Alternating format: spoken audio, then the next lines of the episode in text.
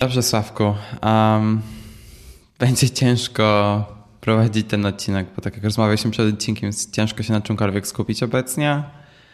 Um, ale chcemy być w miarę regularni i też poruszyć tematy, o których mówiliśmy w poprzednim odcinku, jeżeli chodzi tam um, continuity w urządzeniach Apple i tak dalej i ogólnie o ekosystemy. A, ale czy masz jakieś słowa, które chciałbyś powiedzieć przed, e, zanim zaczniemy? Jasne, no ja chciałbym jakby... Mm, tak naprawdę nie będę ukrywał, że podejrzewam ani ty, ani ja nie mamy siły dzisiaj wielkiej na nagrywanie odcinka y, dobrych rzeczy, bo nie wszystko, co jak wiadomo dzieje, co się dzieje jest dobre. Natomiast pomyśleliśmy, że właśnie, że już pomijając samą regularność, którą chcemy zachować, to tak naprawdę fajnie, żebyście też mieli okazję posłuchać teraz czegoś innego na godzinę od, że tak powiem, na chwilę odciągnąć uwagę od E, tematów związanych z rosyjską agresją, nazwę to po imieniu. E, I w związku z tym tym bardziej chcemy też nagrać. Mamy nadzieję, że wybaczycie nam, że ten odcinek nie będzie pełen spektakularnych żartów i tego typu, jakby u nas były jakieś spektakularne żarty oczywiście. E, no ale mam nadzieję, że, że wybaczycie nam, jeżeli nie będziemy w tym odcinku super entuzjastyczni, ale też tam łatwo nie jest nagrywać, więc e, chcemy, wie, żebyście wiedzieli, e, chociaż z mojej strony tak, e, takie mam przekonanie. Ciężko patrzeć po prostu na świat technologiczny, patrząc na sytuację, jaka dzieje się na świecie. No plus, um, znaczy z mojej strony też mnie to trochę prywatnie dotyka, bo dwójka moich znajomych z pracy jest na Ukrainie, jeden znajomy właśnie jest w Kijowie, drugi jest e, w Dnieprze, więc Trochę to boli myśleć, co się, co się może stać. Um, Jasne. No plus Ukraina w sensie to jest jeden z najlepszych krajów, jeżeli chodzi o technologię w ogóle.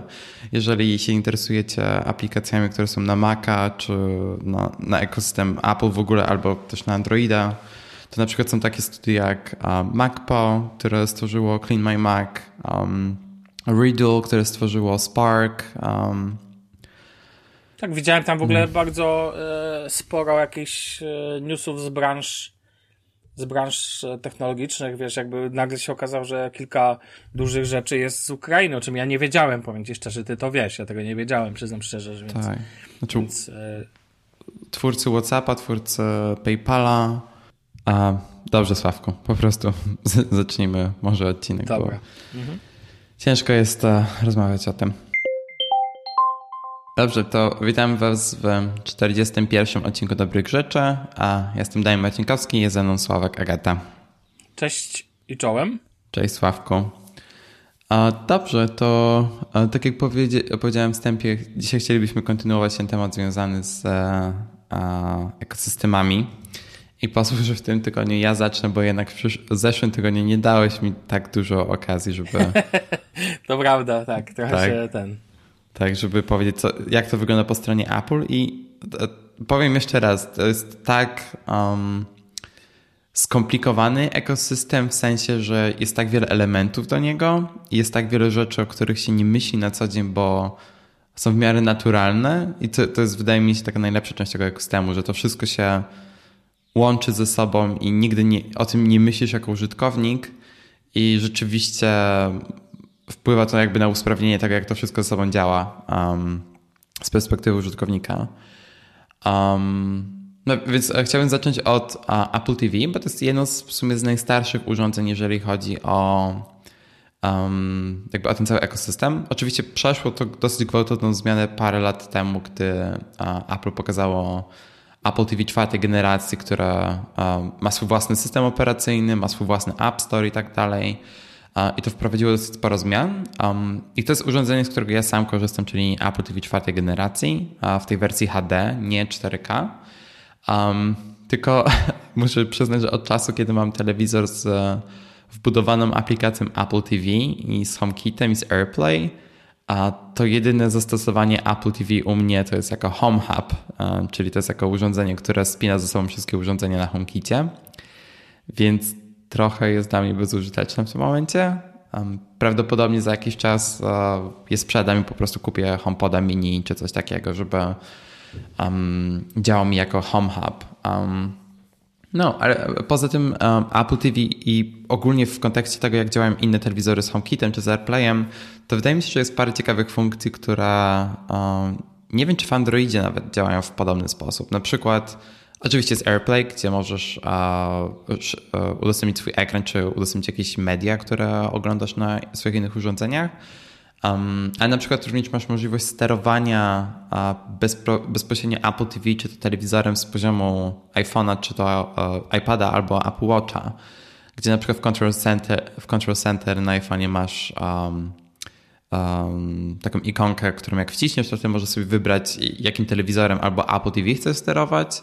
Um, to też działa dla telewizorów Samsunga na przykład, um, więc możesz sobie przełączać uh, między kanałami, możesz sterować w górę, dół, lewo, prawo, uh, zmieniać głośność i tak dalej. Też zależy od modelu telewizora, zależy od uh, czy masz Apple TV, czy nie. I wydaje mi się, że to też jest bardzo fajna opcja, jeżeli nie chcesz szukać pilota, szczególnie jeżeli masz ten ohydny, stary pilot od Apple TV, który jest bezużyteczny w Europie, bo nawet nie jesteś w stanie używać Siri na nim. Um, no, więc wiesz, poza tym Apple TV jest dosyć standardowe, w sensie masz aplikacje zdjęć, muzyki, podcastów i tak dalej. W sensie to są normalne rzeczy, które masz na innych urządzeniach. Ale jest jedna fajna rzecz, która się pojawiła w Apple TV w ostatnich miesiącach poza Stanami Zjednoczonymi. W Polsce wydaje mi się, że to nie jest jeszcze dostępne, ale mogę się mylić, czyli Apple Fitness Plus, która jest usługą, gdzie możecie używać swojego Apple Watcha w połączeniu z innymi urządzeniami Apple, a właśnie na przykład z Apple TV. Um, I możecie na żywo śledzić e, postęp swojego treningu. Po prostu e, macie w rogu ekranu wyświetlony wasz postęp na Apple Watchu i jest taka interakty taki interaktywny workout, e, takie interaktywne ćwiczenie przy użyciu Apple Watcha. To jest bardzo fajne zastosowanie, bardzo fajne połączenie właśnie wielu urządzeń ze sobą.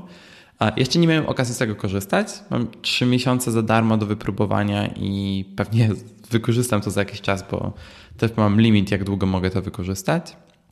Ale wydaje mi się, że właśnie takie łączenie ze sobą e, urządzeń Apple jest bardzo fajne. Oczywiście trochę to jest. Um, oczywiście to jest niefajne, że trzeba mieć Apple Watch, żeby korzystać z tej funkcji, ale z drugiej strony przez ilość um, jakby treść e, przez ilość e, detali na temat e, ćwiczeń i tak dalej, które Apple podaje, wydaje mi się to jest dosyć ciekawe. No, ty, Sławko, też miałeś trochę doświadczeń z Apple TV, co nie? W sensie chodzi ci o usługę, czy chodzi ci o samo urządzenie? O, o urządzenie. To ja ci powiem szczerze, że mm, nie pamiętam, żebym miał. Przypomnij mi, kiedy mogłem mieć. W Warszawie, e, pamiętam, że jak wyszło Apple TV czwartej generacji, to no. miałeś chyba je na parę tygodni. Chyba miałem, ale powiem Ci szczerze, że nie pamiętam już e, tak mocno ich użycia. Jego użycia, ja tylko mam doświadczenia teraz z aplikacją Apple TV+, ale to jest coś innego i niezwiązanego, podejrzewam, z, z ekosystemem w żaden sposób. Więc... Znaczy, no wiesz, ten interfejs jest dokładnie taki sam obecnie, ale to jakby um, bez większych znaczenia. W sensie tej aplikacji Apple TV też używam non-stop, bo mhm. większość rzeczy, które ostatnio oglądam są o dziwo na Apple TV. Um, A powiedz, no, no, no, jasne. A powiedz mi jedną rzecz. Jeżeli mój telewizor nie, w, nie wspiera w żaden sposób yy, przesyłania, jakby on nie wspiera ekosystemu Apple, to w tym momencie co to właściwie znaczy? To znaczy on nie ma, której aplikacji on nie ma? Czego on nie ma? Bo ja się już gubię. To zależy, to zależy od telewizora. W sensie na przykład jak, nie mhm. masz, jak masz telewizor Samsunga, to masz aplikację Apple Music, aplikację Apple TV i AirPlay i masz możliwość sterowania um, pilotem, um, ale nie masz HomeKita. Czyli na przykład nie możesz uh, użyć twojego telewizora w automatyzacjach w HomeKicie, albo nie możesz go włączyć z poziomu uh, aplikacji Home i tak dalej. Um, w przypadku. No tak, ale. No, no to mów, mów. No w przypadku mów, Sony i um, LG masz HomeKit, masz AirPlay, masz aplikację Apple TV. Um, więc jakby to, że masz HomeKita dodaje ci tam parę dodatkowych funkcji. właśnie jeżeli chodzi o automatyzację i kontrolowanie telewizora. Czy jeśli Philips, żeby Philips jakby wspierał ekosystem Apple, musi mieć Apple TV. Dobrze rozumiem, tak? Czy jakby jako usługę w, po prostu.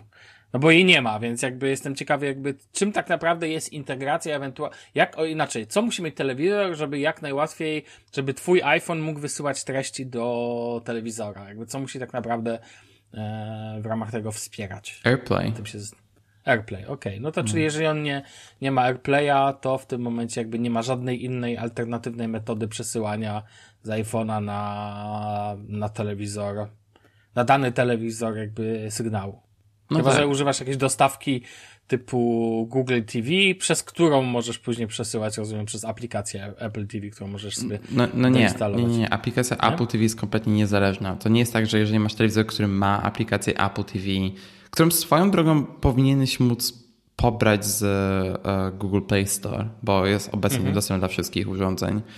To nie jest tak, jeżeli masz aplikację Apple TV, to wyświetla ci się to jako urządzenie, na którym możesz e, streamować. Na przykład e, mam, mam Xboxa One, który ma również aplikację Apple TV, um, no ale to nie jest tak, że możesz używać go jako urządzenie AirPlay. Jakby telewizor musi sam w sobie wspierać AirPlay. Aha, okej. Okay. No to rozumiem. Czyli jak jakiś telewizor tego nie wspiera, to de facto, to de facto wycina go jakby z możliwości komunikacji z urządzeniami z ekosystemu Apple. Tak można byłoby powiedzieć w takim zaokrągleniu dużym. No wtedy może, jeżeli to jest telewizor, który ma Google TV, czy to jest Xbox, PlayStation, to możesz po prostu używać aplikacji Apple TV, to samo w sobie już jest ok, bo wtedy masz dostęp do treści, które kupiłeś na innych urządzeniach i masz oczywiście dostęp do um, seriali i filmów na Apple TV+. Plus. Um, no ale wtedy jesteś ograniczony właśnie, jeżeli chodzi o przesyłanie rzeczy z telefonu, z Maca, z iPada. Ale szczerze powiedziawszy, nie korzystam z tego tak często. Korzystam właśnie z tej funkcji pilota czasem, um, bo tak jak mówiłem w parę odcinków temu, ten pilot od telewizora od Sony to jest makabra. Um, gdyby ten mikrofon nie działał tak dobrze, jak działa, to, to w ogóle bym się poddał. Um, no, ten telewizor od Apple TV, w sensie, okej, okay, nie lubię tego designu, bo ja mam cały czas ten stary e, pilot, mhm. ale um, jednak znacznie go wolę, jeżeli chodzi o jakość wykonania i tak dalej, ale to no, mogę korzystać z, tego, jako z, z iPhone'a jako pilota, więc to też jest to zawsze opcja. No okej, okay, jasne. Spoko. E, natomiast jeżeli chodzi o moje doświadczenia związane z samą platformą Apple TV, no to to to nie ma co ukrywać. To nie jest aż tak właśnie, to nie jest aż tak duże. Zresztą ja uważam, że to jest dla mnie, e, to znaczy ja, to tak jak widzisz, no nie jestem jakby tutaj alfą i omegą z tego i wydaje mi się to dość skomplikowane, że właśnie musi, chociaż w sumie Google TV też musi mieć, żeby działało dobrze, musi też mieć po prostu wsparcie, jakby, e, jeżeli telewizor jest oparty na platformę, chociaż tutaj masz dostawkę w sumie, zawsze możesz ją sobie po prostu podpiąć i po sprawie. No tak, za. Apple TV jest tak samo, tylko to dostawka kosztuje cztery razy więcej, bo, bo tak.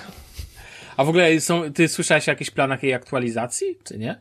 A, no było w zeszłym roku. W sensie um, z, zaktualizowali wnętrze jakby um, Apple TV, zmienili pilot i w sumie tyle. Tak, tak naprawdę wiesz, nie potrzeba nic więcej w um, Apple TV. W sensie, co, co mnie najbardziej drażni, to jest to, że ono tyle kosztuje, bo jest wiele użytkowników, wiesz, którzy kupują to urządzenie i tak naprawdę jedyne do czego go używają, to używanie po prostu go jako, jako dostawki Um, I nawet wiesz, nie grają w gry, nic takiego, więc nie wykorzystują pełnego potencjału tego urządzenia, więc to jest trochę drażniące, że Apple nie ma w swojej ofercie czegoś jak um, Chromecast, ale z drugiej strony, um, jeszcze raz, nie wiem jak to wygląda w Polsce, ale w Niemczech od, od niedawna można kupić Roku, um, który jest takim Chromecastem, który wspiera AirPlay i który wspiera um, jakby Apple TV i, tak, i nawet HomeKita. I w ogóle nawet ma teraz swoją ikonę w, w iOS 15.4, więc Apple chyba zależy na tych stickach do, do telewizorów i tak dalej. Um, więc to jest dosyć ciekawe urządzenie i z tego co słyszałem ma najlepszy pilot, jeżeli chodzi o komfort korzystania z niego. Um, właśnie w Niemczech są od niedawna dostępne i co ciekawe Roku ma również sound, uh, soundbar um, który po prostu podpinacie do, do, do, telewizora i to jest i soundbar i taka dostawka do waszego a, telewizora. To jest dosyć ciekawym połączeniem. To nie jest jakieś kosmicznej jakości soundbar, z tego co słyszałem, ale jakby wydaje mi się, że to jest fajny upgrade, który dodaje też wam dodatkowe funkcje um, właśnie jeżeli chodzi o wsparcie dla um, AirPlay, dla HomeKita i tak dalej. dosyć dobrej cenie. W sensie ten streaming stick od roku kosztuje 60 euro. To jest naprawdę dobry deal. I ten, A ile kosztuje dostawka od Apple obecnie? Um, przynajmniej dwa razy tyle. Okay. Przynajmniej. Um, I macie jeszcze inne opcje od roku, które są trochę tańsze oczywiście. Uh, I ten soundbar też, on kosztuje tylko 150 euro. Uh, więc może to nie jest najlepszej jakości, uh, ale wygląda jakby naprawdę porządnie i podobno też wspiera Dolby Audio, nie Atmos. No, i nawet ma Bluetooth, więc możecie też sobie go używać jako normalny głośnik Bluetooth. Ma wsparcie dla asystenta Google, dla Alexy. Um, naprawdę, naprawdę fajne urządzenie. No tak, spoko. A przypomnij mi tylko jedną rzecz. Czego ty używasz jako audio do swojego telewizora? Sonos. Ja mam... Aha, Sonosa. Ja mam Sonos, Sonosa Beam z dwoma głośnikami od Ikei, tymi Bookshelf, Symfonisk, a z tyłu jako surround. E, okay. Ja mam Sonosa Beam pierwszej generacji, um, to warto wspomnieć. I ogólnie, jeżeli chcecie kupić Sonosa, to bardzo Wam polecam wejść na stronę Sonosa i sprawdzić outlet, bo można tam znaleźć dobre promocje. Plus, jeżeli jesteście studentami, uh, to na uh, My Uni Days, chyba w Polsce również macie taką opcję, macie 15% zniżki czy coś takiego. Więc ja mojego Sonosa Beam kupiłem za grosze. A, więc bardzo, bardzo polecam. Okej. Okay. No. Okej, okay, spoko. E, no, to ja mam tyle, to ja nic więcej tu nie dodam z siebie w temacie.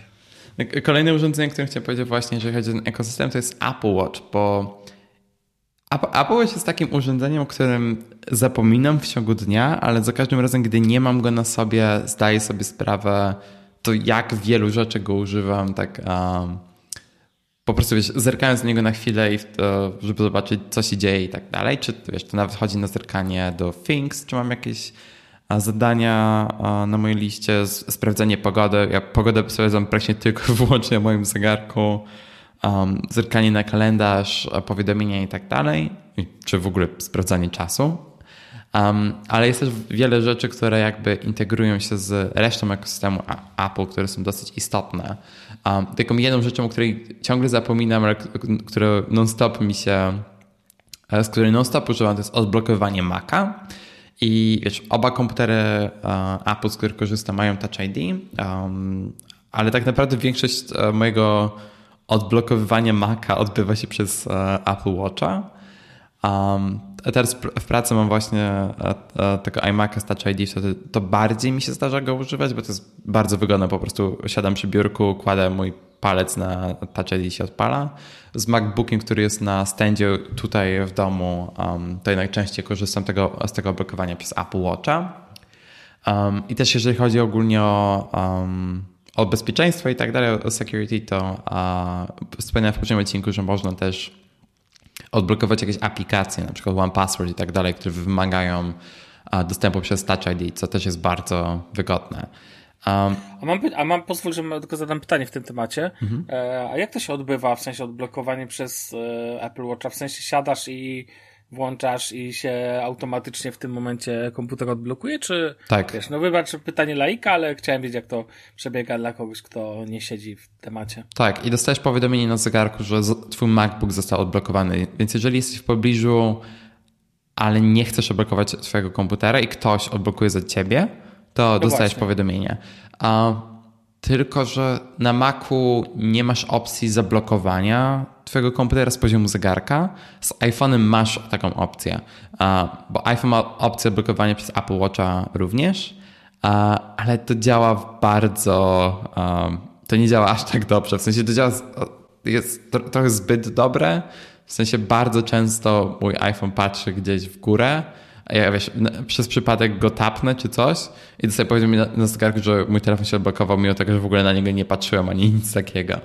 I na Reddicie przeczytałem dobry komentarz, że um, to odblokowanie Apple Watchem iPhone'a działa tak dobrze, że nawet telefon, gdy patrzy się na drzewo, to jest w stanie ciebie rozpoznać, więc... Um. A ten, a, ale to yy, jakie jest zabezpieczenie na Apple Watchu tego, żeby żeby ktoś obcy nie użył go po prostu do odblokowania. Jak, jak pomocą czego? To jest PIN? Czy to jest jakiś gest? Czy e, jak to się odbywa? Um, no, gdy założysz Apple Watcha, to masz, e, to wpisujesz PIN.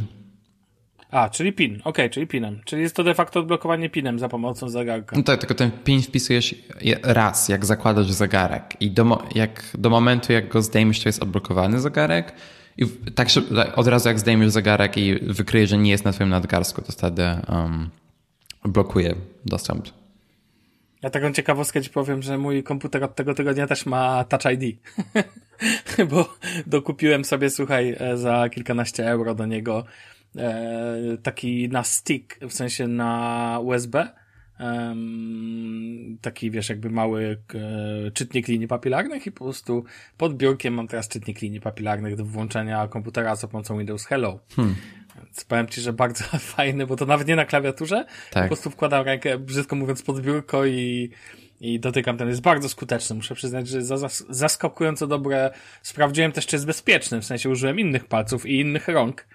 E, no i faktycznie rozpoznał tylko właściwe palce, więc jakby, więc zakładam, że jest bezpieczny, normalny czytnik linii papilarnych. Fajna sprawa, polecam. To nie jest duży wydatek, a, a szczególnie do komputerów stacjonarnych, a potrafi troszkę uprościć życie.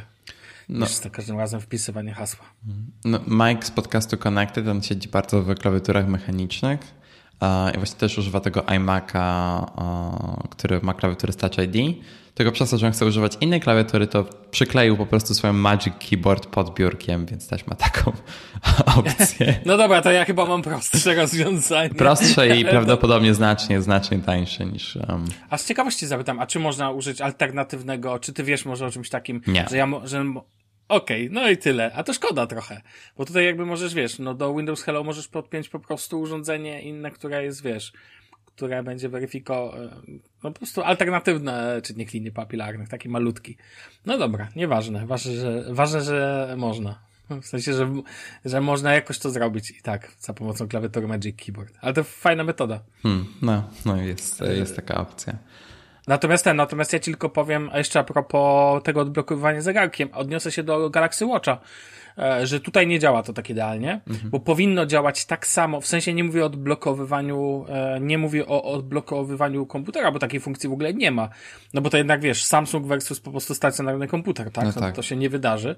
Aplikacja MyPhone też tego nie potrafi. Natomiast e, jest rzecz, która, którą on teoretycznie powinien potrafić, czyli powinien się odblokować w momencie, kiedy jest na mojej ręce, E, albo na przykład ja użyję pinu i on się wtedy będzie odblokowany, ale to jest nieprawda. W sensie bardzo często jest tak, że noszę go przez cały dzień i na przykład po kilku godzinach próbuję, muszę go odblokować, bo na przykład coś e, i niestety on jest zablokowany dalej, więc to jest, e, to teoretycznie powinno działać, ale na, ale działa tak jak sobie chcę wybiórczo. Raz działa, raz nie działa, więc trzeba, nie będę tutaj, wiesz, obie tego mówił, że coś działa, jeśli nie działa, więc prawda jest taka, że tutaj chyba wdrożenie w wykonaniu Apple jest po prostu lepsze, idea podobna. No. Um, tak, i, i, inne rzeczy, jeżeli chodzi o Apple Watch, to właśnie wspomniałem o tym Fitness Plus i jak to działa z innymi urządzeniami, wydaje mi się, że to jest bardzo fajna funkcja i mam nadzieję, że to będzie się rozwijało dalej. Um, I oczywiście samo to, jak działają treningi na Apple Watch jest świetne, bo nie dość, że jest to aplikacja treningi od Apple, którą bardzo lubię, która wydaje mi się, że znaczy jest bardzo fajna, bo nie wykorzystuje tak dużo baterii, bo oczywiście to jest aplikacja od Apple, ale e, też to, jak, um, jaki dostęp mają aplikacje firm trzecich, jeżeli chodzi o używanie Apple Watch jest świetne. I teraz e, od niedawna również mają opcję używania tego Always On Display, Um, więc na przykład ja korzystam z aplikacji, która się nazywa Gentler Streak. Um, chyba o niej wspominałem parę odcinków temu. I oni wydali niedawno. Czekaj, czy oni ją wydali? E, chyba jeszcze jej nie wydali, ale ja mam dostęp w test flight, e, więc jak coś, nic nie słyszeliście od, ode mnie. E, I tak pewnie deweloperzy nie mówią po polsku, nie słuchają tego podcastu i tak dalej, ale co tam. pracuję nad świetną aplikacją na Apple Watcha, która pokazuje Wam, w jakiej strefie jest jakby Wasz puls. I to jest dosyć istotne dla mnie, bo ja na rowerze jeszcze jeżdżę dosyć szybko i nie zdaję sobie często sprawy, jak wysoki jest mój puls. Um, I oczywiście jest trochę zdrowiej mieć ten puls ni znać troszeczkę niżej niż e, troszeczkę wyżej, że tak powiem. Zależy oczywiście, jaki jest wasz normalny puls i tak dalej. No, ale na przykład E, mi się często zdarza, że mój puls jest powyżej 160, a powinien być jednak, nie wiem, 120, 130, coś takiego. A podczas wysiłku masz to, e, czy tak normalnie? E, podczas wysiłku oczywiście. Okej, okay, uff. No nie, mówię właśnie, że ta aplikacja no tak, pokazuje tak, ci tak. w trakcie treningu, więc to jest bardzo fajne. Um, jedyny minus tej aplikacji jest taki, że obecnie nie ma automatycznej pauzy, uh, gdy na przykład zatrzymuje się na światłach czy coś takiego, uh, ale obecnie pracuję nad dodaniem tego i aplikacja a, treningi od Apple ma coś takiego i to działa bardzo fajnie. Um, plus też jeżeli um, chodzicie na siłownię, która, e, to, e, która ma urządzenia, które to wspierają, możecie używać czegoś, co się nazywa Gym Kit. I to jest bardzo fajna funkcja, która pozwala wam połączyć się z sprzętem do ćwiczeń i dane między tymi urządzeniami, e, między Apple Watchem i tym urządzeniem do ćwiczenia automatycznie się ze sobą synchronizują. W Berlinie jest parę siłowni, które to mają. Ja, ja nie, nie lubię siłowni, nie, nie, nie chodzę na siłownię i tak dalej, ale to jest bardzo ciekawa funkcja i też wydaje mi się, że to są e, trening, są urządzenia do ćwiczenia, które możecie kupić do domu, które również to wspierają. Więc to bardzo, bardzo fajna funkcja. tak, i wiesz, oczywiście najfajniejsza rzecz, jeżeli chodzi o Apple Watcha z takiej perspektywy, jeżeli chodzi o design i tak dalej, to jest ten to, nie jest bezpośrednio nawiązanie do ekosystemu Apple, ale jakby ekosystemu Apple Watcha samego w sobie, czyli to są te paski, i to też jakby ma sporo do czynienia. Przepraszam, przepraszam, co? Chodzi mi o to, że z urządzeniami od Apple, wiesz, to tyczy się Apple Watcha, tyczy się innych urządzeń od Apple, jest bardzo łatwo znaleźć akcesoria. Um, oczywiście, wiesz, w zegarkach od Samsunga i tak dalej to jest po prostu na standardowym 22 mm paskach, więc jest jeszcze tak. łatwiej znaleźć. Te paski są tańsze, um, ale jednak ten system, jeżeli chodzi o zmienianie pasków Apple Watch, to jest coś, co wydaje mi się, że jest bardzo fajne i bardzo dobrze, że ten system się nie zmienił od kiedy Apple Watch się pojawił. Więc jeżeli macie paski, które mieliście z pierwszą generacją Apple Watcha, to one cały czas działają Series 7 i tak dalej. Um, tak, więc to jest uh, też bardzo fajna rzecz. Um, to raczej dość rzadkie w wykonaniu Apple taka spójność e, i kompatybilność, czy mi się zdaje. Uh, no jeżeli chodzi o akcesoria, wydaje mi się tak, że tak. A w sensie, wiesz, Android i iPhone się zmieniają często, no bo ten telefon się zmienia bardziej. Um, no i jedna rzecz na temat pasków jest to, że one są tak drogie. W sensie, ja mam ten pasek um, taki pleciony nylon. Um, ten jakby so, solo, ach, nawet nie, jak on się nazywa po polsku, przepraszam. A w każdym razie on kosztuje 100 euro. Czyli tyle, ile kosztuje HomePod mini. I Masakra. to jest kompletnie nieuzasadnione. W sensie to jest bez sensu, to nie ma żadnego sensu. Ja go kupiłem dlatego, że Okej. Okay. Ja go kupiłem dlatego, że po prostu go chciałem i... Uh... No tak, tak, tak. Podatek od, od tego, że chce się po prostu... No tak, wiesz, plus ja kupiłem wersję z AliExpress, która o, za ktoś powie, o, możesz kupić ten sam pasek na AliExpress za e, 2-3 euro. I tak, ja go kupiłem za 2-3 euro na AliExpress, a ta jakość wykonania jest nieporównywalna i dlatego właśnie zdecydowałem na zakup tego od Apple. Um, bo to jest AliExpress, wiesz, mają plastikowe zapięcia i tak dalej i to jednak jest kompletnie inna jakość niż ten od Apple, więc uh, wydaje mi się, że no, znaczy dla mnie to jest najwygodniejszy pasek do Apple Watch, jaki istnieje. Ja go noszę cały czas i uwielbiam go, jest świetny. No, um, ale wydaje mi się, że to tyle na temat Apple Watch. W sensie jest tak wiele funkcji, um, wiesz, o których też wspomniałem w poprzednim odcinku, jeżeli chodzi o połączenie telefoniczne, jeżeli chodzi o wiadomości, jeżeli chodzi o, różne, o jak działają ze sobą różne aplikacje, jeżeli chodzi o handoff. Um, też jeżeli chodzi na przykład o tryb związany ze snem, e, który ma bardzo wiele połączeń, jeżeli chodzi o, chodzi o Apple Watcha, e, kwestia alarmów, które synchronizują się między twoimi urządzeniami, um, wiesz, możliwość sterowania kamerą. W sensie jest tak wiele tych rzeczy. Jakby Apple Watch jest świetnym pilotem do iPhone'a. Um, można tak to podsumować i wydaje mi się, że jeżeli siedzicie mocno w tym ekosystemie, to jest to naprawdę jest to warte zakupu, jeżeli wiecie, że będziecie z tego korzystali. Um, no. Ja w, ogóle mam, ja w ogóle mam wrażenie, że ten, że mam wrażenie, że Apple Watch, jeżeli jakby jest takim urządzeniem, które powiem brutalnie, najmocniej wciągacie w sam ekosystem. To znaczy, ponieważ nie możesz go w żaden sposób alternatywny łączyć z czymkolwiek innym, co nie, nie jest z ekosystemu Apple, to jakby, no o, inaczej powiem, nie możesz posiadać Apple Watcha, jeżeli nie posiadasz iPhone'a. No tak. Dobrze myślę? To jakby bez sensu jest. Nie ma aplikacji na Androida do obsługi Apple Watcha. Więc jakby nie możesz, wiesz, no nie wiem, Apple TV możesz sobie posiadać, to jest jakby niezależna rzecz. Mhm. Mam wrażenie. Natomiast e, Apple Watch, e, to ty mi mówiłeś, że jest ktoś w branży podcastowej, kto tak naprawdę właśnie Apple Watchem przekonał się do całego ekosystemu, czy mi się zdaje? Czy znaczy, mi coś... Jest sporo takich ludzi. Obecnie jest to na przykład um, Queen z uh, Snazzy Labs, w sensie on używa um, on używa właśnie uh, Apple Watcha i dlatego też korzysta z sprzętu Apple. Um, jest Lioness Tech Tips, on ma iPhone'a tylko jako um, beacon do swojego Apple Watcha. MKBHD właśnie też mówi, że on używa, znaczy on używa dwóch telefonów zawsze, ale dla niego jakby um, ta kwestia z Apple Watcha jest dosyć istotna. A jaki jest dla Ciebie najważniejsza funkcja? Tak jakbyś miał wybrać z tych funkcji taką, która jest dla Ciebie najbardziej super fajna, przydatna na co dzień funkcja Apple Watcha, e, z tych, które używasz w swoim jakby użyciu ekosystemu, to która to by z tych, która wymieniłeś była? Tylko mi nie mów, że te wszystkie fitnessowe rzeczy, bo w to nie uwierzę. Ja wiem, że ty jesteś aktywny, ale bez, bez przesady. Co, co byłoby dla ciebie tym killer featurem? Ja lubię Apple Pay bardzo. Co lubisz? Apple Pay. Sensie to jest, Aha, okay. to jest tak e, wiesz, futurystyczna rzecz, że mogę płacić zegarkiem. Um, absolutnie to uwielbiam. Znaczy jest to... Um, w sensie, nie wiem, ciężko jest mi powiedzieć, bo jest... Uh, masa tych rzeczy i tak jak mówię, rzadko myślę o, o tych rzeczach, bo wiesz, one się po prostu dzieją.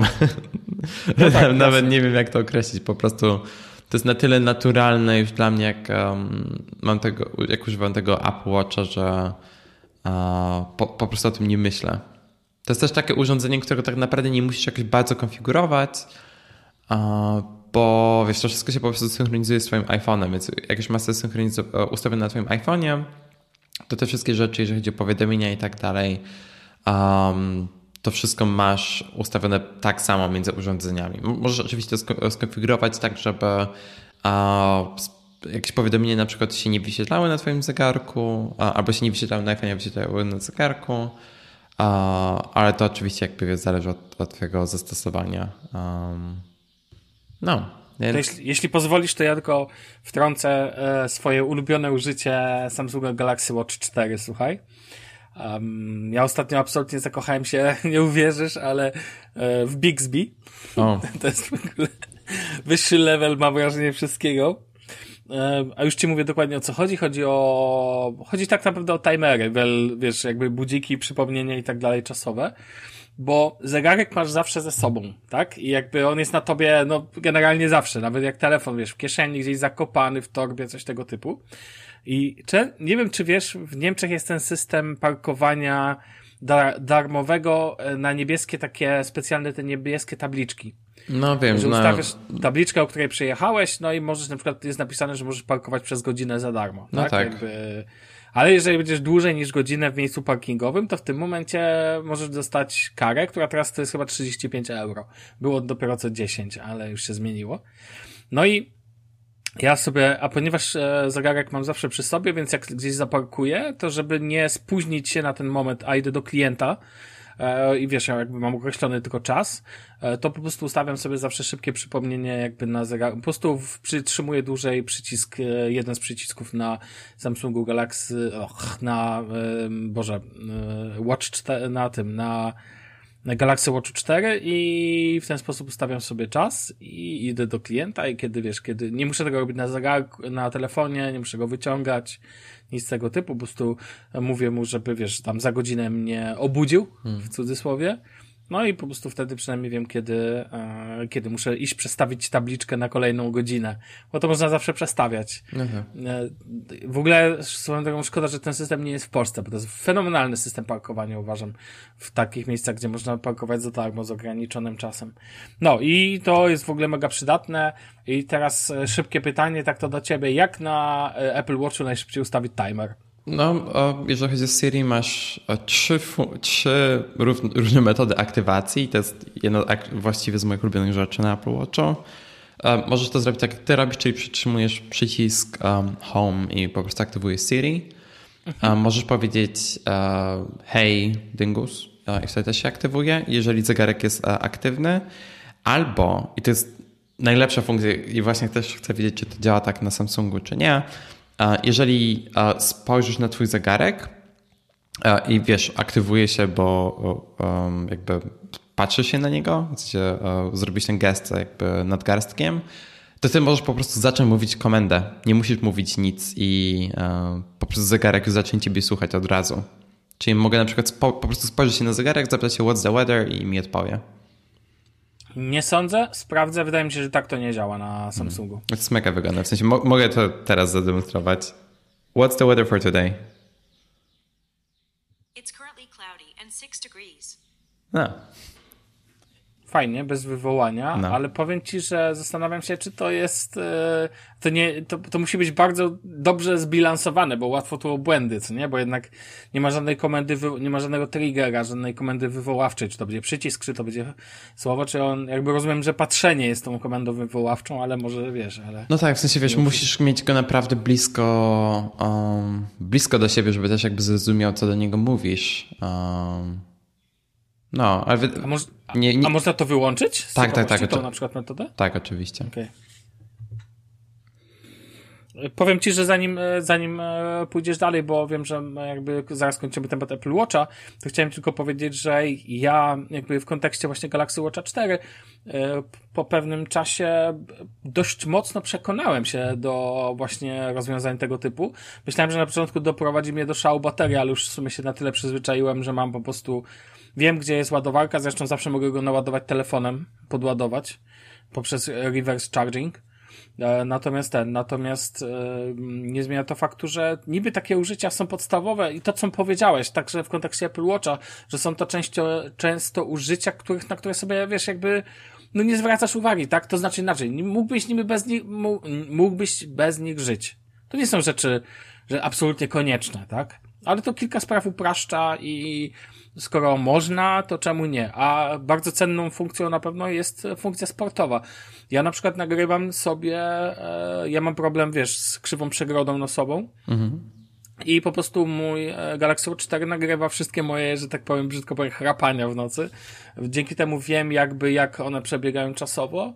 E, I teraz jak akurat kontaktuję się z lekarzem właśnie HNO, czyli w to się po prostu po polsku nazywa laryngolog, czyli wiesz, lekarz od nosa i tak dalej, no to właśnie on mi dał takie urządzonko, ja mu też pokazałem, i po, młody koleś, i powiem ci, że pokazałem mu te raporty z tego, z raporty z um, Samsung Health, i on na podstawie tego po prostu dał mi takie urządzenie profesjonalne do mierzenia już jakby, wiesz, jakiś tam oddechu i tak dalej, i tak dalej też w domu, więc jakby to go z, zmotywowało do tego, żeby skierować mnie jakby dalej na badania, co nie? Więc jakby tam, więc uważam, że to ma duży sens takie rozwiązania właśnie w technologiach upieralnych, które są od ciebie troszkę niezależne, a które jakby pozwalają ci monitorować zdrowie, no ale to jest oczywiste w kontekście Apple Watcha. Ja uważam, że tutaj jest jedna wielka przewaga e, Galaxy Watcha i nie rozumiem dalej, czemu tego nie ma w Apple Watchu i będę zawsze to mówił, czyli nie, że nie ciśnienia krwi tego. Uważam, to powinni wprowadzić w końcu w Apple Watchu, bo to by, wiesz, to nie chodzi o jakiś, e, to, e, ja uważam, że to powinna być w ogóle funkcja każdego tak, tego typu zegarka, bo to jest, nadciśnienie jest chorobą, gen, e, tą, jest chorobą cywilizacyjną, więc no, tak, takie moje spojrzenie. No pewnie za rok, dwa lata czy coś. No mam nadzieję, to naprawdę uważam byłoby duża, ważna rzecz i to by też bardzo, jak Apple coś wprowadza, to motywuje to też innych producentów e, do działania, więc mam nadzieję, że inni producenci by się też jeszcze poza Samsungiem zmotywowali do działania w temacie. A z ciekawości zapytam jeszcze kończąc e, temat e, jakby Apple Watcha, jesteś za, zaciekawiony, czy będzie, czy Google w końcu wyda swój zegarek? Naprawdę, czy nie? O... W sumie patrząc na to, jak Pixel się rozwija, nie zdziwiłbym się. Um, I też teraz, wiesz, zadedykowali się tak naprawdę, żeby ruszyć tego Wear OS. Um, więc w sumie bym się nie zdziwił. No, ja mam taką nadzieję, że się pojawi, bo słuchaj, konkurencja dobra rzecz. Dobra, leć dalej z ekosystemem. Tak. Um, jedna rzecz, o której chciałem wspomnieć, kolejna rzecz, o której chciałem wspomnieć, to um, iCloud Family Sharing. Też zacząłem trochę o tym wspomnieć w poprzednim odcinku, ale wydaje mi się, że to jest dosyć warte uh, wspomnienia, bo to jest wiele rzeczy, które po prostu działają automatycznie od razu jak skonfigurujesz to iCloud Family Sharing. Oczywiście jakby główna funkcja jest taka, że można się dzielić zakupami, jeżeli chodzi o aplikacje, gry i tak dalej. Działać ze wszystkimi platformami, więc nawet jeżeli kupicie Final Cut czy coś takiego, to wszystkie osoby w waszej rodzinie mogą tego o, używać. I to jest do sześciu osób, wydaje mi się, do pięciu albo do sześciu osób, um, które możecie mieć w swojej rodzinie. I też od niedawna możecie się dzielić sub, subskrypcjami i zakupami w ramach specyficznych aplikacji. Więc to też jest bardzo fajne właśnie, jeżeli chodzi o dawanie dostępu jakby do subskrypcji, które macie. I deweloper może wybrać, czy subskrypcja jest dostępna dla wszystkich w, w ramach rodziny, czy jest dostępna dla pojedynczej osoby. Czyli na przykład w, jeżeli macie Fantastical, to wtedy musicie mieć dla rodziny osobną subskrypcję. Um, no, ale jakby to jest dosyć fajna funkcja. I też w poprzednim odcinku mówiłem, jak to wygląda Find My, gdzie możecie nie dość, że zobaczyć, gdzie są członkowie waszej rodziny i to działa domyślnie, jeżeli dodacie kogoś, to również możecie zobaczyć, gdzie są ich urządzenia, co może być przydatne, jeżeli komuś z waszej rodziny nie wiem, zostanie skradzione uh, urządzenie, albo jeżeli po prostu je zgubili gdzieś, czy coś takiego. Um, I niestety nie działa dla AirTagów, więc jeżeli macie AirTagi w waszej rodzinie, to będziecie widzieli tylko swoje AirTagi i nie można tego jakoś udostępnić ani nic takiego, więc jeżeli chcecie komuś w swojej rodzinie pożyczyć, pożyczyć klucze czy coś takiego, to niestety nie ma opcji, żeby się tym dzielić, co jest um, bardzo dziwne i mam nadzieję, że to jest coś, co Apple doda w um, najbliższej wersji iOS. Um, tak, to tak. E, oczywiście, wiesz, można się dzielić kalendarzami, można się dzielić przypomnieniami i tak dalej, um, ale to jest w standardowe, jeżeli chodzi o. W sensie to już jest od długiego czasu. Um, no, dalej e, chciałem tylko tak na szybko wspomnieć o kilku e, dodatkowych rzeczach, jeżeli, jeżeli chodzi o ekosystem Apple i tak, tak naprawdę zamknie temat. Um, i co ciekawe, właśnie w ramach um, zacząłeś wspominać, jak to wygląda, jeżeli chodzi o udostępnianie danych zdrowotnych i tak dalej z lekarzami. W, um, w niektórych krajach, czyli to jest chyba w Kanadzie, w Stanach i w UK, możesz wysłać swoje dane medyczne z Apple Health bezpośrednio do lekarzy. To jest bardzo fajną funkcją. I patrząc na to, gdzie się rozwija, nie wierzę w to, co powiem, ale rzeczywiście to się dzieje, patrząc, e, gdzie się rozwija ten e, system medyczny w Niemczech, nie zdziwiłbym się, gdyby to się pojawiło w Niemczech za parę lat, gdzie właśnie możesz udostępnić swoje dane medyczne z Twoim lekarzem i tak dalej.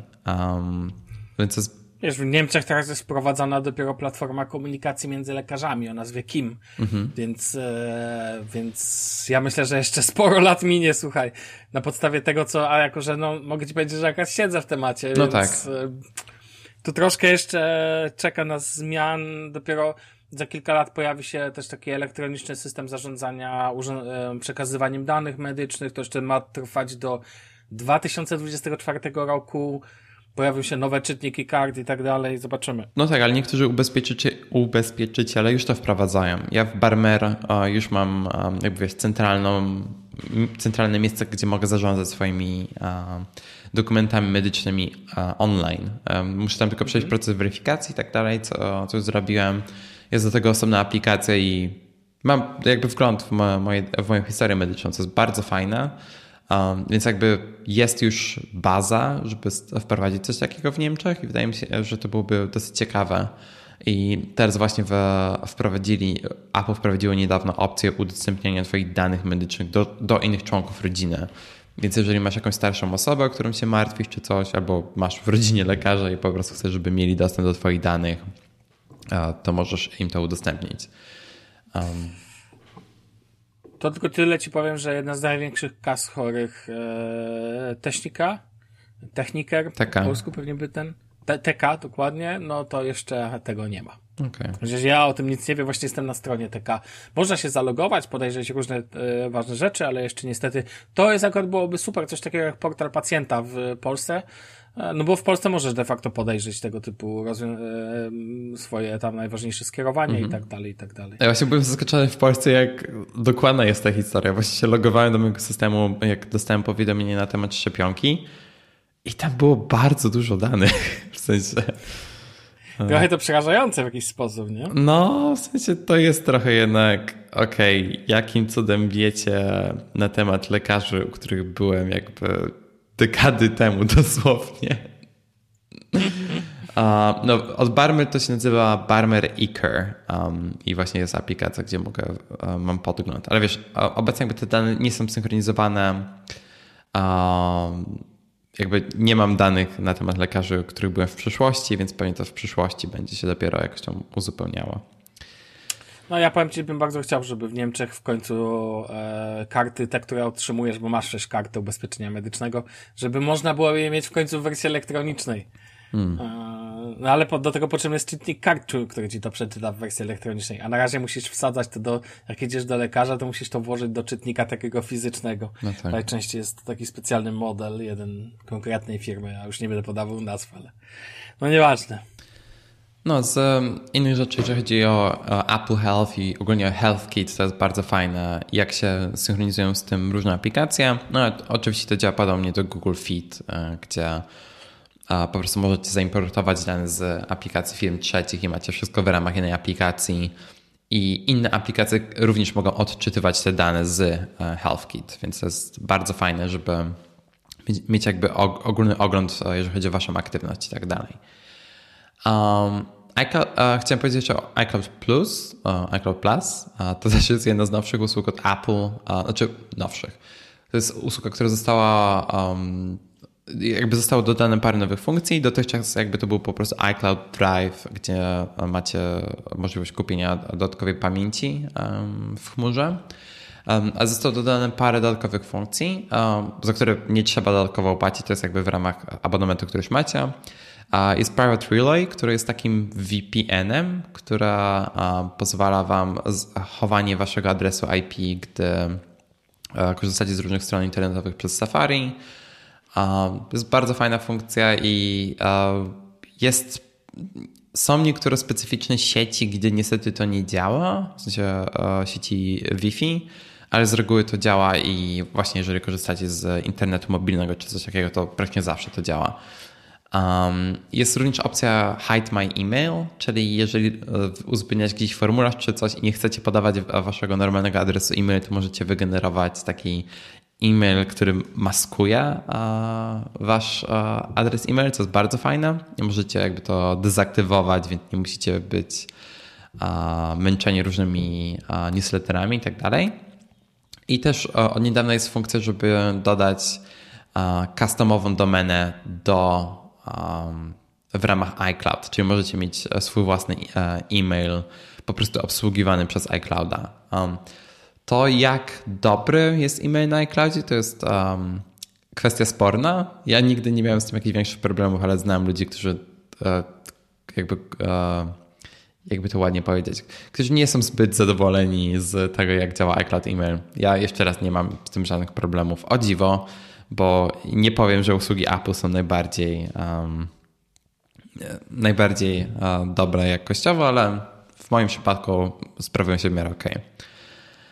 Um, tak. Um, I tak patrzę jeszcze na inne rzeczy. Uh, oczywiście wiesz, masz iMessage, FaceTime tak naprawdę to nie musi być jakoś bardziej opisywane, bo to są rzeczy, o których ludzie, którzy korzystają z ekosystem Apple jak najbardziej wiedzą.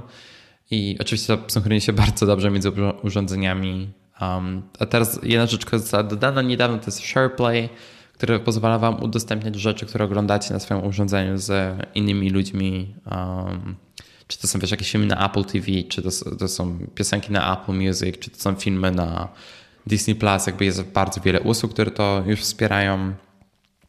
Um, a wydaje mi się jeszcze, jedna, ostatnia rzecz, której chciałem wspomnieć, uh, są różne kwestie, kwestie związane z automatyzacją, jak, e, jakby, jak to wszystko się łączy między urządzeniami. Um, I wiesz, czy to jest w ramach Siri Shortcuts, czy um, tych trybów Focus, które zostały dodane w iOS 15 tak by pozwala to na bardzo ciekawe rzeczy. Więc na przykład ja używam tych trybów focus w taki sposób, że jeżeli dojeżdżam do pracy, to wtedy automatycznie moje urządzenia, wszystkie moje urządzenia prze, przerzucają się w tryb e, pracy. I na przykład e, mam ustawiony Siri Shortcut, który automatycznie zmienia moją tarczę zegara na taką, która jest bardziej związana z tym, co robię w pracy. E, to jest taki detal, ale jak o tym pomyślisz, to to jest bardzo fajne usprawnienie tego, um, jak możesz skorzystać z, ze swoich urządzeń. I oczywiście Siri Shortcuts ma mnóstwo, mnóstwo funkcji, których jest mi nawet ciężko opisać, bo nie jestem bardzo zaawansowanym użytkownikiem um, tej aplikacji, ale zdecydowanie to jest jedna z najfajniejszych rzeczy, jeżeli chodzi o możliwość automatyzacji tych urządzeń. I to jest coś, czego Android nie ma domyślnie. W sensie są aplikacje, które pozwalają na um, dostęp do niektórych z tych funkcji, ale to, jak dobrze to działa w ekosystemie Apple, to jestem pod ogromnym wrażeniem i jakby z każdą wersją iOS są dodawane nowe funkcje do tego i to jest jedna z najfajniejszych rzeczy dla power userów, jeżeli chodzi o ten cały ekosystem. I bardzo, bardzo się cieszę, że od e, macOS Monterey również jest aplikacja z e, Apple Shortcuts na e, Siri Shortcuts na macOS.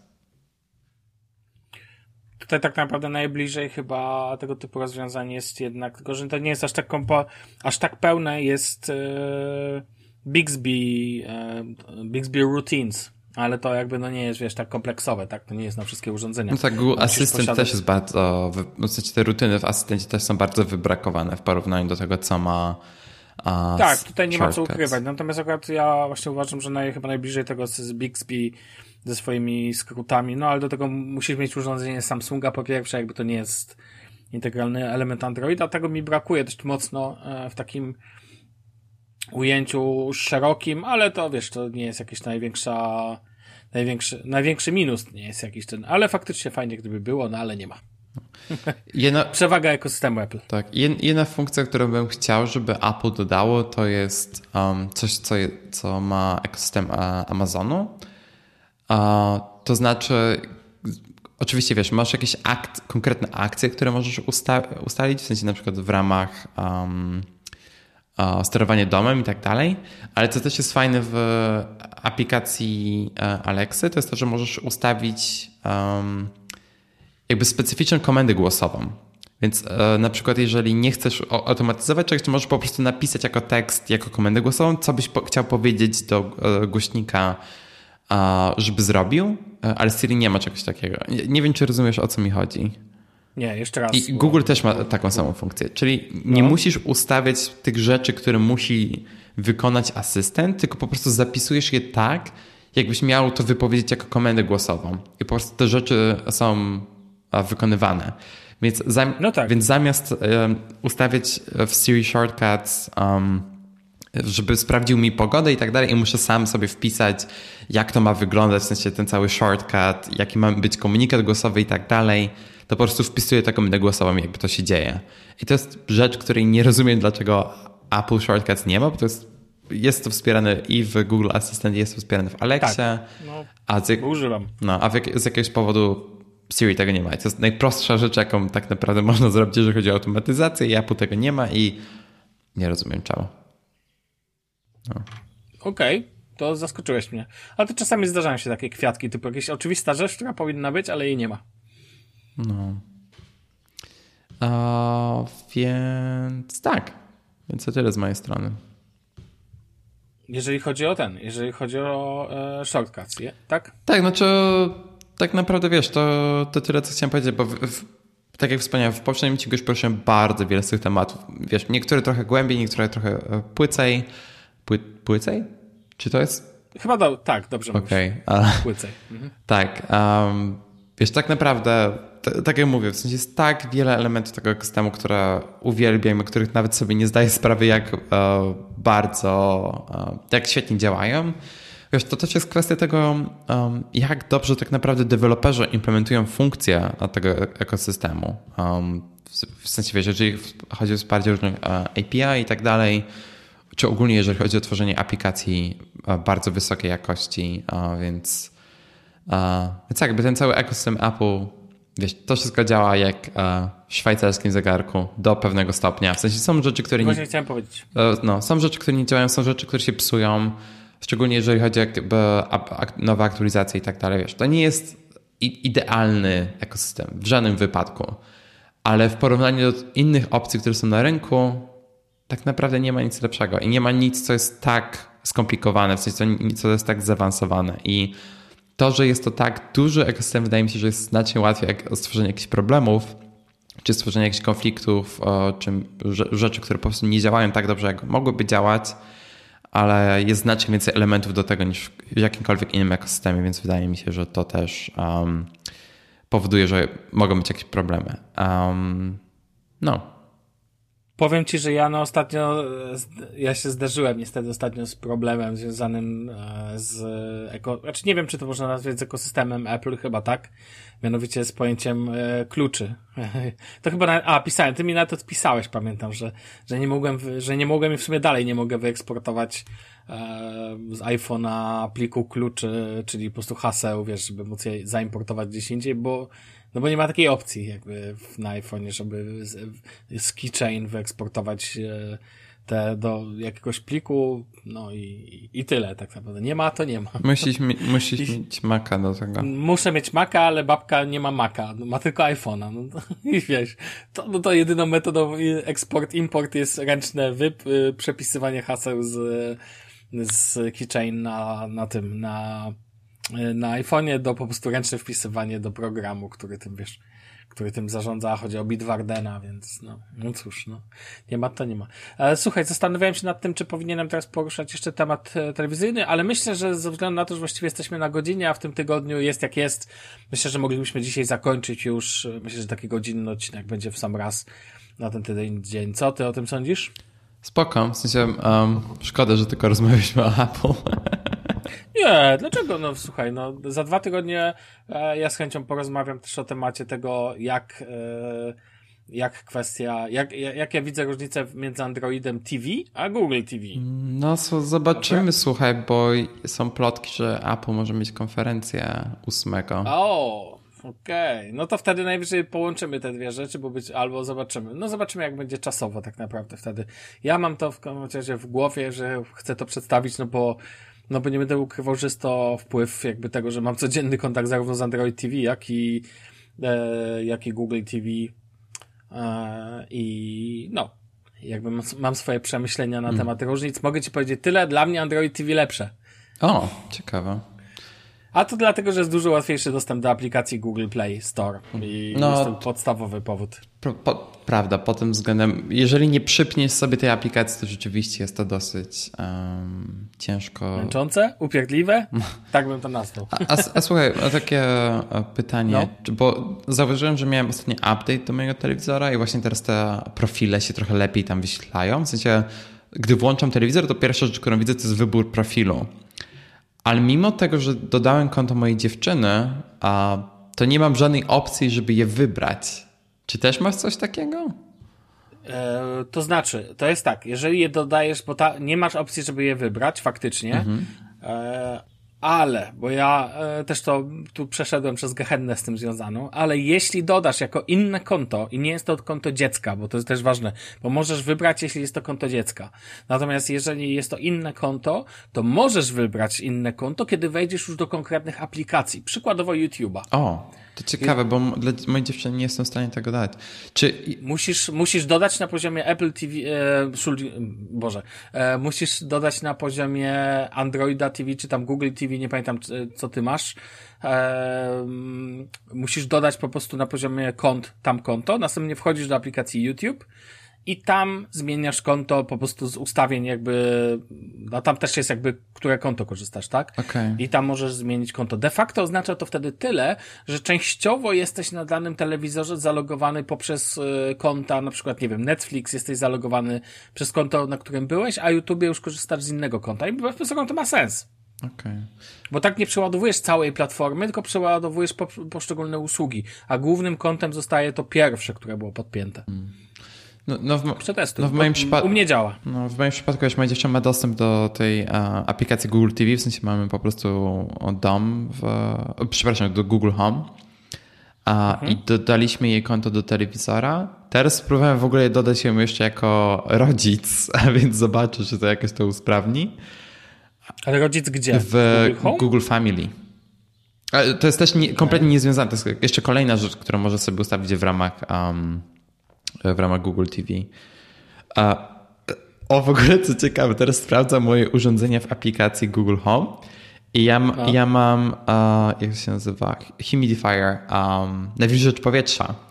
W mhm. ikonka tego nawilżacza powietrza w aplikacji Google TV to jest samochód elektryczny. Można i tak, czemu nie? E, to ja miałem, to ja miałem też jakieś dziwnie z jednym z urządzeń. W ogóle wiesz, w ogóle jak podpinałem nie, no z telewizora miałem też trochę przygód właśnie z podpinaniem go do, do sieci, bo a u mnie to bardziej kwestia problemów z, ogólnie z siecią, mhm. ale ten, ale najlepszy patent jak szukałem, do teraz szukam, no bo ten telewizor, który mam to jest w końcu Philips, więc on ma Ambilight, tak? Mhm. I wymarzyłem sobie, żeby włączać Ambilight za pomocą Google Home, rozumiesz? Po prostu e, nie włączasz telewizora, tylko włączasz samą funkcję Ambilight. I jest jakaś na to magiczna metoda, ale przez Amazona. Jak dokładnie jeszcze nie wiem. Muszę to ten i z chęcią o tym opowiem. Jak mi się uda to zautomatyzować, e, wiesz, no po prostu wy, używanie Ambilight jako lampki. No tak. Logiczne, tak? Szczególnie, że sam telewizor wspiera e, Android TV, więc to powinno być możliwe. No ale jest, ale tylko przez jakieś, wiesz, jakieś workaroundy, jakieś obejścia, tak? Bo masz na pilocie przycisk po prostu Ambilight, który pozwala ci włączyć to w każdym momencie wciskasz kilka razy, masz różne kolory światła, super sprawa, no lampka, tak? Natomiast ten, natomiast, e, natomiast nie znalazłem jeszcze metody, ale mówię, zbieram jakby dane, e, więc o takich automatyzacjach i też przewaga Google TV myślę, że opowiem w jednym z najbliższych odcinków, bo nie będę ukrywał, że e, o ile sam rec telewizor recenzowałem ostatnio w e, Shufflecaście, to jakby takie automatyzacyjne rzeczy myślę, że idealnie będą pasować do dobrych rzeczy. A powiem ci szczerze, że OLED robi, OLED robi różnicę, ale to jest jakby już wiesz, jakby to wiadomo, no to, to nie ma co ten. No tak. Ma, ma swoje wielkie zalety. No. Okej, okay, dobrze. To Do... Sławku, mhm. a wydaje mi się, że, że to na tyle w tym odcinku. Um, oczywiście, jeżeli macie do nas jakieś pytanie, to jesteśmy na Twitterze. A jestem tam pod nickiem D. Marcinkowski Podłoga, a Sławek jest tam pod nickiem Sławek Agata. E, no, a nasz sam podcast jest tam podnikiem Dobre Rzeczy Tech. Um, I w ogóle uh, zauważyłem, że parę osób na Twitterze pytało się nas uh, na temat przeprowadzki do Niemiec, w ogóle emigracji, życia tutaj i tak dalej. Więc jeżeli macie jakieś pytanie, pytanie, to śmiało możecie je nam zadawać bezpośrednio na Twitterze, w sensie czy to do mnie, czy do Sławka. Ja mam trochę doświadczenia, znaczy trochę, ja mam doświadczenie, jeżeli chodzi o pracę tutaj w startupach i ogólnie szukanie pracy po angielsku. I ogólnie tak jak pisałem komuś w wiadomościach prywatnych na Twitterze, to jest e, prost, prostsze niż może się tego, możecie się tego spodziewać. W sensie pracowanie tutaj bez znajomości um, niemieckiego i na, nawet w, ży w życie, w sensie na początku. Oczywiście jest łatwo się przyzwyczaić e, do niemieckiego i łatwo jest to e, podłapać, szczególnie jeżeli znacie angielski. Jednak wydaje mi się, że jest bardzo wiele um, rzeczy, które się łączą, ale wiesz, to jest też temat, wiecie, to jest również temat, mhm. o którym mhm. możemy znowu kiedyś to w ogóle moglibyśmy, moglibyśmy zrobić, e, powiem ci, odcinek związany ja wiem, że mówiliśmy ogólnie o życiu w Niemczech, ale chciałbym, e, żebyśmy zrobili odcinek o przeprowadzce, tak jakby, jak to tak naprawdę sobie ogarnąć. Ja na przykład mogę opowiedzieć o tym, ile mniej więcej, jaki koszt przeprowadzki, czy da radę, wiesz, załatwić to w miarę rozsądny sposób cenowy. Ty masz doświadczenie związane z pracą po angielsku, czy, czy sam angielski wystarczy? Ja mogę opowiedzieć także o życiu w najbardziej ludnym landzie e, Niemiec, no bo Nadrenia, Północna Westfalia, to jednak najbardziej ludny land. Myślę, że możemy także o tym jeszcze opowiedzieć, bo myślę, że mamy już sporo nowych doświadczeń. Ja mam na pewno nowych, jak się wypisać z kościoła, bo także to można ogarnąć. Czym jest mini job, jeżeli ktoś by chciał wiedzieć i tak dalej. Ja tylko powiem pociąg Warszawa, Berlin, a dwie walizki i tyle. Dokładnie. to jest tak proste. Znaczy... I... Be Berlin, Warszawa Express. No, no. Dobrze, to dziękujemy, że nas słuchaliście i do usłyszenia w następnym tygodniu. Czy za dwa tygodnie, czy za trzy. Zobaczymy.